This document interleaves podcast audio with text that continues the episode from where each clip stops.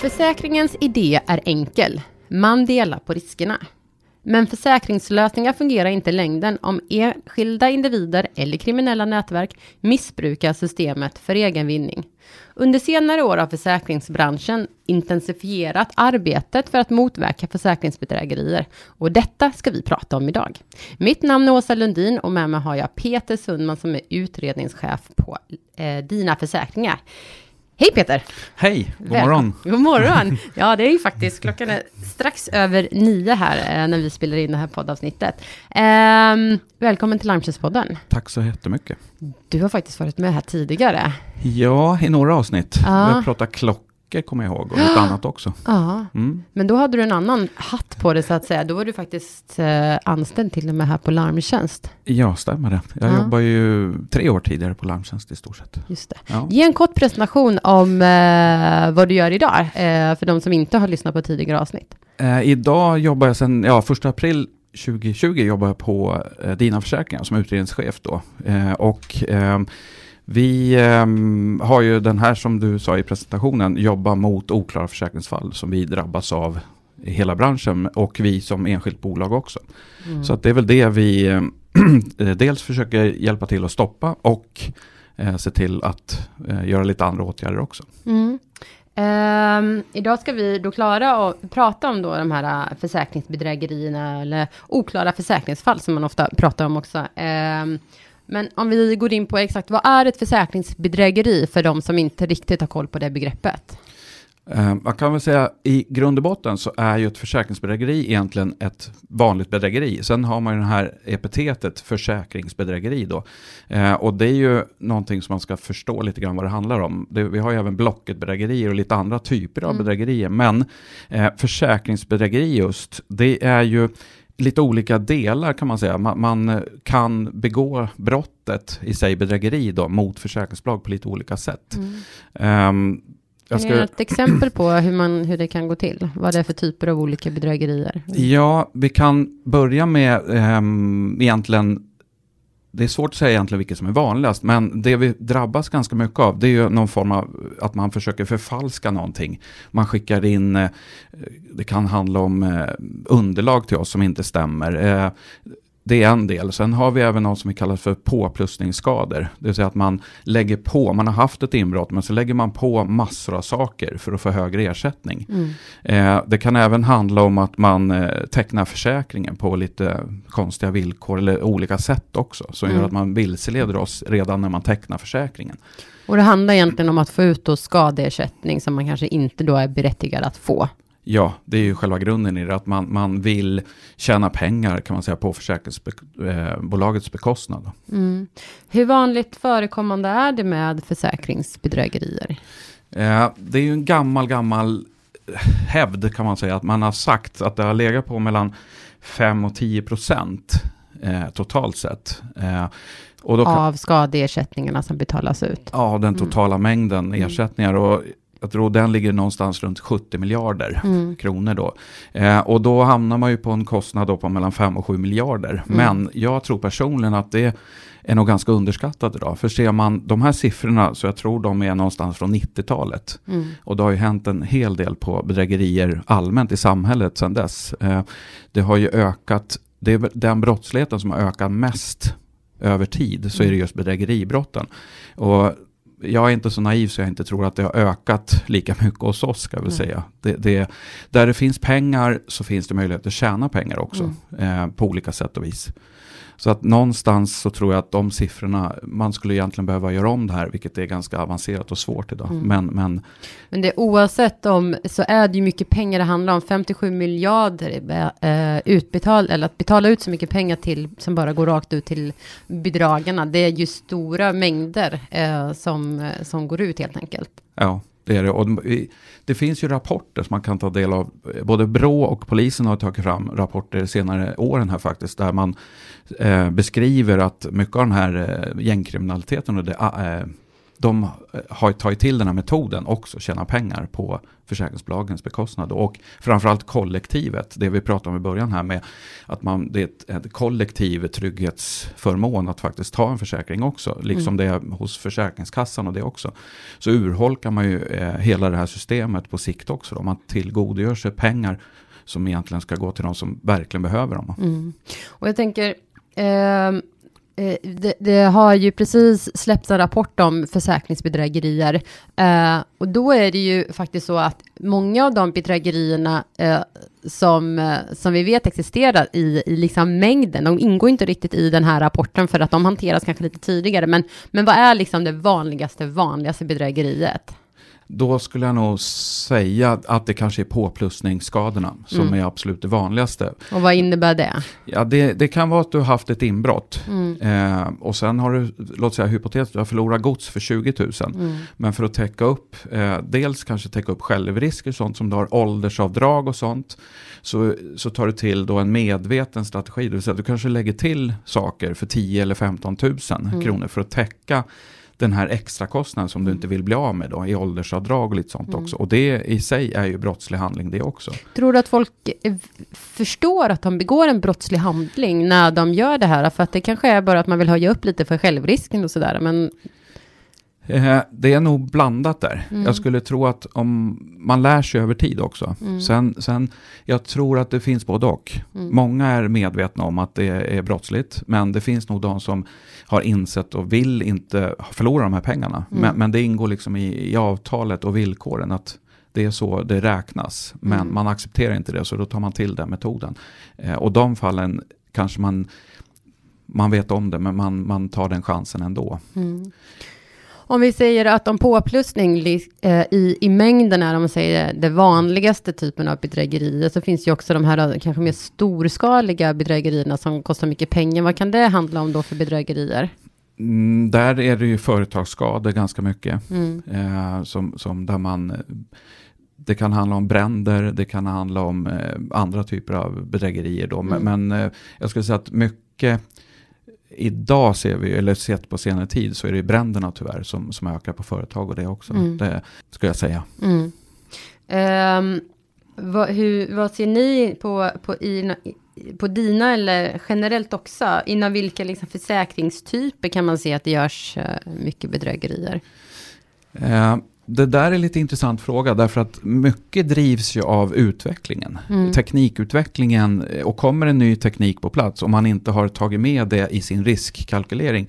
Så det kanske öppnar en lucka för att begå bedrägerier. Mm. Eh, sen handlar det ju också om konjunkturläget mm. i allmänna samhället. Så att är det låt säga att det, det, blir väldigt, väldigt dyrt att ha en bil. Mm. Så, så, finns det en större risk för att bilen brinner till exempel. Mm. Eller blir sönderslagen för att få den inlöst. För att mm. Så att det, det är konjunkturavgörande väldigt mycket vad det är för typer av bedrägerier eller teknikutvecklingen i sig som driver eh, bedrägeriupplägget. Och mm. det är ju väldigt ofta så att eh, jag skulle säga att det, bedrägeri är väldigt teknikdrivet idag. Mm. Det är nog det brottet som där det är mest avgörande egentligen vad är det för teknik som kommer och vad finns det för möjligheter att utnyttja tekniken till sin egen fördel. Mm. Ehm, för några år sedan så gjorde eh, försäkringsbranschen en gemensam eh, kontrollaktivitet eh, gentemot klockor, där man tittade närmre på om klockor var, för, var vanligt förekommande för att få ut pengar, så att säga. Hur, hur mycket jobbar ni med klockor och vad, vad ser du för trender där? Eh, vi har en del klockor. Mm. Eh, sen tror jag i de fallen som jag tittar på, eller vi tittar på, på dina, så ingår de kanske i, som en del i, i en annan del av bedrägeriet mot oss. Eh, så det är svårt att säga specifikt. Jag tror och kanske att det handlar egentligen mer om penningtvättsfrågor när det, gäller, mm. när det kommer till klockor, riktigt dyra klockor. Mm. Um, men jag kan inte säga egentligen att klockor används specifikt i bedrägerierna mot oss. Mm. Inte vårt bolag i alla fall. Um, hur jobbar eh, branschen för att minska eh, bedrägerier? Du får ju prata utifrån ditt bolag såklart då. Ja, men eh, vi, vi jobbar ju och jag kan väl prata lite grann, tror jag, lite överblick över eh, helheten också. Så är det, i och med att det är mycket teknikdrivet så mm. blir det mycket mer teknikdrivet Eh, och IT-drivet även hos oss på försäkringsbolagen. Mm. Så kan jag väl säga. Jag tänker inte gå in på i detalj hur vi jobbar. Men, men, du ska inte ge några tips nej, nu. nej, nej. Men, men man kan väl säga att ju mer teknikdrivet det är ute i samhället och, och luckor i de här teknikerna så blir det ju att vi måste granska de luckorna också. Och, mm. och utifrån det då till tillämpa olika andra tekniker för att komma åt och se. Sen är det ju ändå så till syvende och sist att det faktiskt är människorna som, som får allt som oftast någon form av magkänsla. Mm. Eh, och magkänsla är ett, det, det, kan vi ta ett särskilt avsnitt om, mm. men det, det, är väldigt, det är intressant att analysera, vad är en magkänsla? Men, mm. eh, men en magkänsla hos bra rutinerade skadereglerare mm. väcker ofta någon form av misstanke. Mm. Och man tar det här vidare till någon form av utredningsverksamhet. Då. Ja, och då nämnde du utredningsverksamheten, där du är ju chef över er eh, utredningsverksamhet på Dina. Och man kan väl säga det, jag vet inte om alla känner till det eh, som lyssnar här, att eh, i alla fall de stora försäkringsbolagen och en del av de mindre försäkringsbolagen också, de har ju eh, för, eh, utredningsavdelningar som sitter specifikt och tittar på eh, misstänkta eh, eh bedrägerier så att säga. Eh, det handlar ju om att rätt person ska få rätt ersättning. Och man ska inte kunna tillskansa sig då eh, ersättning om man inte har, har rätt till det heller. För att det handlar ju om premiesättningar och sånt där också. Att börjar vi betala ut massa pengar till de som inte har det så ökar väl framöver eh, kostnaderna för, eh, för de ärliga kunderna också. Ja, men det är helt korrekt. Det är det som kan ställa till bekymmer idag. Om man, om, som du var inne helt på, att om bedrägerierna ökar så ökar ju även premierna. Mm. Och ett bekymmer allmänt idag som vi ser också i samhället, det är att det är fler och fler tyvärr som inte tecknar på försäkringar. Mm. Uh, uppskattningen nu tror jag det är 400 000 hushåll i Sverige som inte har någon hemförsäkring. Uh, vad det beror på är en helt annan fråga, men till stor del så handlar det om kostnader också. Och driver bedrägerierna ökade kostnader för alla i det här kollektivet så, så, är det klart att då prioriterar man kanske lite olika beroende på vad man har för ekonomiska förutsättningar också. Mm. Så att det är en viktig, viktig bit att försöka dämpa de här bedrägerierna mm. av, av både samhälls ur samhällsperspektivet men även kostnader för bolagen såklart och kollektivet som tecknar på och vill ha bra försäkringar till bra och rimliga priser också. Det har ju gjorts eh, undersökningar när man tittar på attityder men också när man har frågat eh, försäkringskunder eh, vad de tycker om eh, utredningsarbetet och då är den generella bilden att man faktiskt ställer sig väldigt positiv till att eh, bolagen har eh, utredningsavdelningar och faktiskt tittar avdelningar och faktiskt tittar på eh, ärenden som eh, inte känns eh, eh, rimliga eller okej okay att och, så att man faktiskt inte betalar ut till de här kunderna. Mm. Eh, så att det är ju någonting som många ser positivt till också, så att de pengarna som de betalar in, de ska användas till de som faktiskt behöver hjälp på riktigt. Ja, det är helt korrekt. Vi, försäkringsbolagen, sakförsäkringsbolagen, privata, är ju en del av det här trygghetssystemet i samhället. Mm. Ehm, å andra sidan har ju statliga försäkringarna via Försäkringskassan Men eh, det kokar ner till också att du ska ha en trygghet även på privata mm. sidan med, med, om det händer saker. Du har ju allt det här olycksfall och det här som ingår. Eh, har du inte det så, så saknar du en stor del av tryggheten i vardagen också. Mm mm. Eh, jag sa här i inledningen att ehm, under de senare åren så har ju faktiskt försäkringsbranschen intensifierat arbetet då för att motverka försäkringsbedrägerier. Och en del av det har ju varit också att man har årligen eh, haft olika kontrollaktiviteter där man tittar eh, lite noggrannare, granska en typ av skada. och i år då för 2023 så tittar ju branschen närmre på manipulerade, eller på dokument, eh, handlingar och bilder som skulle kunna vara manipulerade, för att det har ju blivit kanske lite vanligare eh, idag. Eh, kan du berätta lite mer kanske om, eh, om kontrollaktiviteten, men även eh, den skador som, som ligger under det, den, den typen mm. av ärende? Mm. Nej, men vi, som sagt, vi har ju haft kontrollaktiviteter tidigare och i år då så kör vi ju mot kvitton. Och det har vi ju sett har ökat. Och det hänger ihop med den här teknikdrivenheten också. Um, att man kan ändra eh, handlingar och det. Och ja, vi har ju ett färskt ärende nu som jag kan dra lite kort mm. då. Det, det, är ju egentligen en, en, väldigt, väldigt dyr tv som man har beställt och köpt från utlandet. Och man får då ett eh, kvitto. Eh, och det vi gör, vi begär ju in eh, och den här tvn då ska jag säga har gått sönder. Så det är därför man vill ha ersättning från oss då för den här mm. tvn. Eh, man, då begär vi in då handlingar för att styrka sitt försäkringsfall. Och det, det, i, det, i det här fallet är det då självklart kvittunderlag som, mm. som man skickar in till oss. Um, och av någon anledning då så får ju våra duktiga skadereglerare här och kika på det och får just den här magkänslan. Uh, och i det här fallet så kan jag väl egentligen inte säga varför, men, men man får en magkänsla att skicka det här för en bedömning hos en av eh, utredarna då på DINA. Det är någonting som inte känns rätt eller korrekt med skadan. Ja, mm. någonting sticker ut på mm. något sätt. Och då mm. väljer man ofta att kontakta oss och bolla lite idéer och tankar. Eh, vi och våran sida då på utredningssidan gör ju kontroller eh, som vi gör i alla ärenden som vi får på bordet. Eh, och i det här fallet då så, så kontaktar vi den här firman då som har ställt ut den här fakturan på en tv för 65 000 kronor. Eh, och eh, i det då så visar det sig att det här bolaget som vi har haft kontakt med, eh, eller som får, kontakt med, säger att den här tvn är aldrig såld överhuvudtaget. Utan i, där kan vi då direkt konstatera att det här kvittot som vi får till oss som underlag för att betala den här ersättningen är helt förfalskat. Det, mm. det är felaktigt totalt. Eh, och i de fallen när vi upptäcker sånt här då, det, det vi gör då, det är att vi, vi avböjer den här skadan helt mm. enkelt. Vi betalar inte ett, en krona och eh, i fler och fler fall ska jag säga också, eh, så polisanmäler vi det här också mm. som bedrägeri då. Mm. Och att värt att nämna också, detta, detta var ju eh, eh ett kvitto som eh, inköpet skulle ha då skett utomlands. Eh, och då kanske många tror att man känner sig lite säker för att bolagen inte, inte tittar upp sånt. Men det är vanligt förekommande ändå att man faktiskt, även om det är utanför Sveriges gränser, så tar man kontakt med de bolagen eller liknande och gör ett, ett utredningsarbete eh, utanför Sverige också. Ja, vi, vi via olika nätverk kan man säga, så har vi skapat kontaktnätverk. Eh, dels eh, ja, runt hela jorden kan man säga i olika samarbetsorgan och det också. Plus att vi, vi nöjer oss ju inte bara få det här kvittot utan vi, vi vill ju verkligen kontrollera att de här uppgifterna stämmer.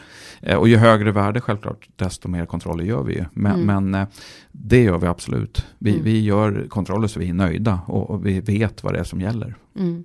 Eh, hur långt tog liksom ett sånt här ärende för er att utreda ungefär? Det, I det här fallet med tvn så ska jag säga att det tog två, tre dagar kanske. Ja. Ja, i, I och med att det tog några, några dagar, men ett par timmar ska jag säga totalt. Mm. I, från det vi fick det på bordet tills.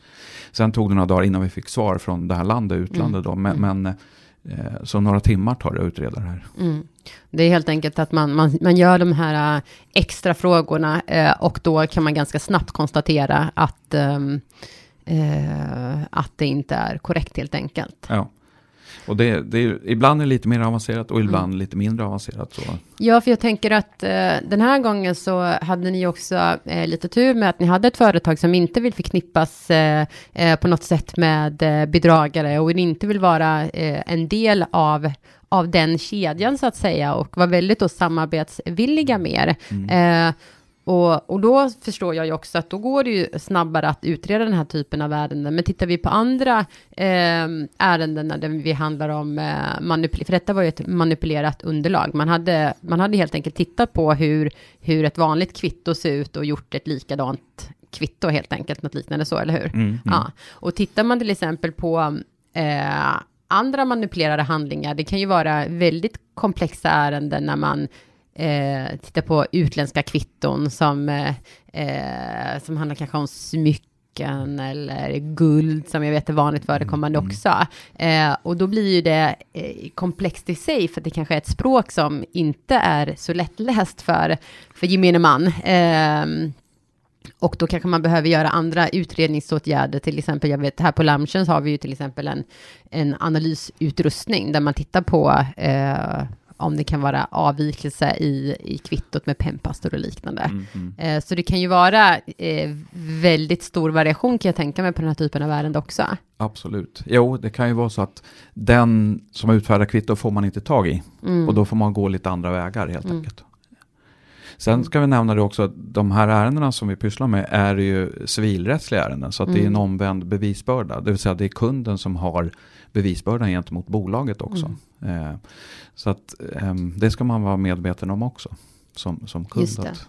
Då har du en skyldighet eh, som kund för att du ska få ut en ersättning så måste du samarbeta med försäkringsbolagen och både svara på frågor men också eh, visa handlingar. ja, och lämna korrekta uppgifter i, under skaderegleringen och även under utredningen. Då, så att, Ehm, vad finns det för, eh, för utmaningar i, i försäkringsbedrägerier eh, för att bekämpa, motverka bedrägerierna? Du var inne på det lite kanske i början också, men ja. Mm. Nej, jag skulle vilja säga ehm, den stora utmaningen är ju att det är ständigt förändligt. Du, Mm. du, teknikdrivet väldigt mycket så. Sen är det ju så också att som försäkringsbolagen gör ju om sin eh, produkt, sina produkter hela tiden. Mm. Och i det här produktutvecklandet så, så finns det väl utmaningar i sig också. Att, att själva produkten i sig kan medföra en risk i att man, man öppnar upp kanske vissa dörrar som man inte har tänkt på tidigare. Eh, pratar mycket idag och framåt också, det är det här med automatiseringen av skadorna. Mm. Eh, det vill säga att man, man ska snabbare och snabbare reglera skadan Mm. automatiskt gentemot kunden. Och i Mm. det så finns det risker också att man, man ehm, öppnar upp vissa dammluckor som man Mm. kanske inte vill göra. Mm. Ehm, om, vi, om vi tittar på hur det ser ut idag med brottsligheten och så i Sverige också, så ser vi ju idag att vi har ehm, om- vi tittar på till exempel här dödliga våldsuter och gängkriminalitet, eh, så ser vi ju här att det går mycket också resurser till, eh, eh, till den typen av ärenden. Och, men om vi tittar innan, innan det, eh, så har det ju också varit eh, så att man har pratat om att den här typen av ärenden kanske inte har varit helt prioriterad av rättsväsendet heller. Nej, men det är, ju, det, är ju, det är ju som jag sa tidigare, det är en väldigt, väldigt ökning på bedrägeriområdet. Mm. Och, och, en an, alltså, det är stora mängder ärenden som kommer in på bedrägeriområdet. Och, det, och, och där ligger väl bedrägeriutredningar lite tyvärr eh, i bakvattnet eh, på grund av det här ökade dödliga våldet i samhället. Och, eh, så att det, det resursbesätts inte på samma vis, Mm. vilket är fullt förståeligt också. Men det hänger ihop det här dödliga våldet väldigt mycket med bedrägerier och narkotikabrott och sånt också. Det säger ju polisen också. Ja, för att eh, bedrägerier är ju eh, eh, en inkomstkälla för den organiserade brottsligheten också. Absolut, absolut är det. det. Och det är fruktansvärt stora pengar, som vi sa tidigare. Mm. Eh, Miljardbelopp som, Mm. som man kan tjäna. Ehm, Peter, vi har eh, pratat om eh, eh, problemen med eh, bedrägerier och lyft de här olika kontrollaktiviteterna och vi börjar faktiskt gå mot eh, eh, avsnittets slut. Är det någonting som du känner att du skulle vilja lyfta ytterligare innan vi, innan vi avslutar eller känner du att vi har diskuterat det som går att diskutera? Nej, jag känner mig väldigt nöjd och jag är jätteglad att jag får komma hit och prata om en sån här viktig fråga. För det, det som vi säger, det är en extremt eh, viktig samhällsfunktion att, Mm. att försäkringslösningen fungerar. Och börjar vi eh, tarva den i kanten och det säger att mer och mer pengar går felaktigt, då kommer förtroendet för försäkringslösningen att urholkas på sikt också. Eh, Man glömmer bort den här solidaritetstanken i grund och botten som du var inne på i början också. Att en försäkring är faktiskt till för att skydda dig som individ men det är kollektivet som bidrar och hjälper till så att varje individ skyddas enskilt också. Mm. Eh, och den, den eh, saken måste vi nog ha med oss mer och mer. Och, och på, jag ser framför mig att man kanske borde införa den här på skolschemat också med försäkringskunskap och det. Och, och skola små barn i vad är egentligen en försäkringslösning? Mm. Vad, vad, vad innebär det egentligen? Det är inte individ, individen utan det är kollektivet som, som bygger försäkringslösningen och, och gör den stark.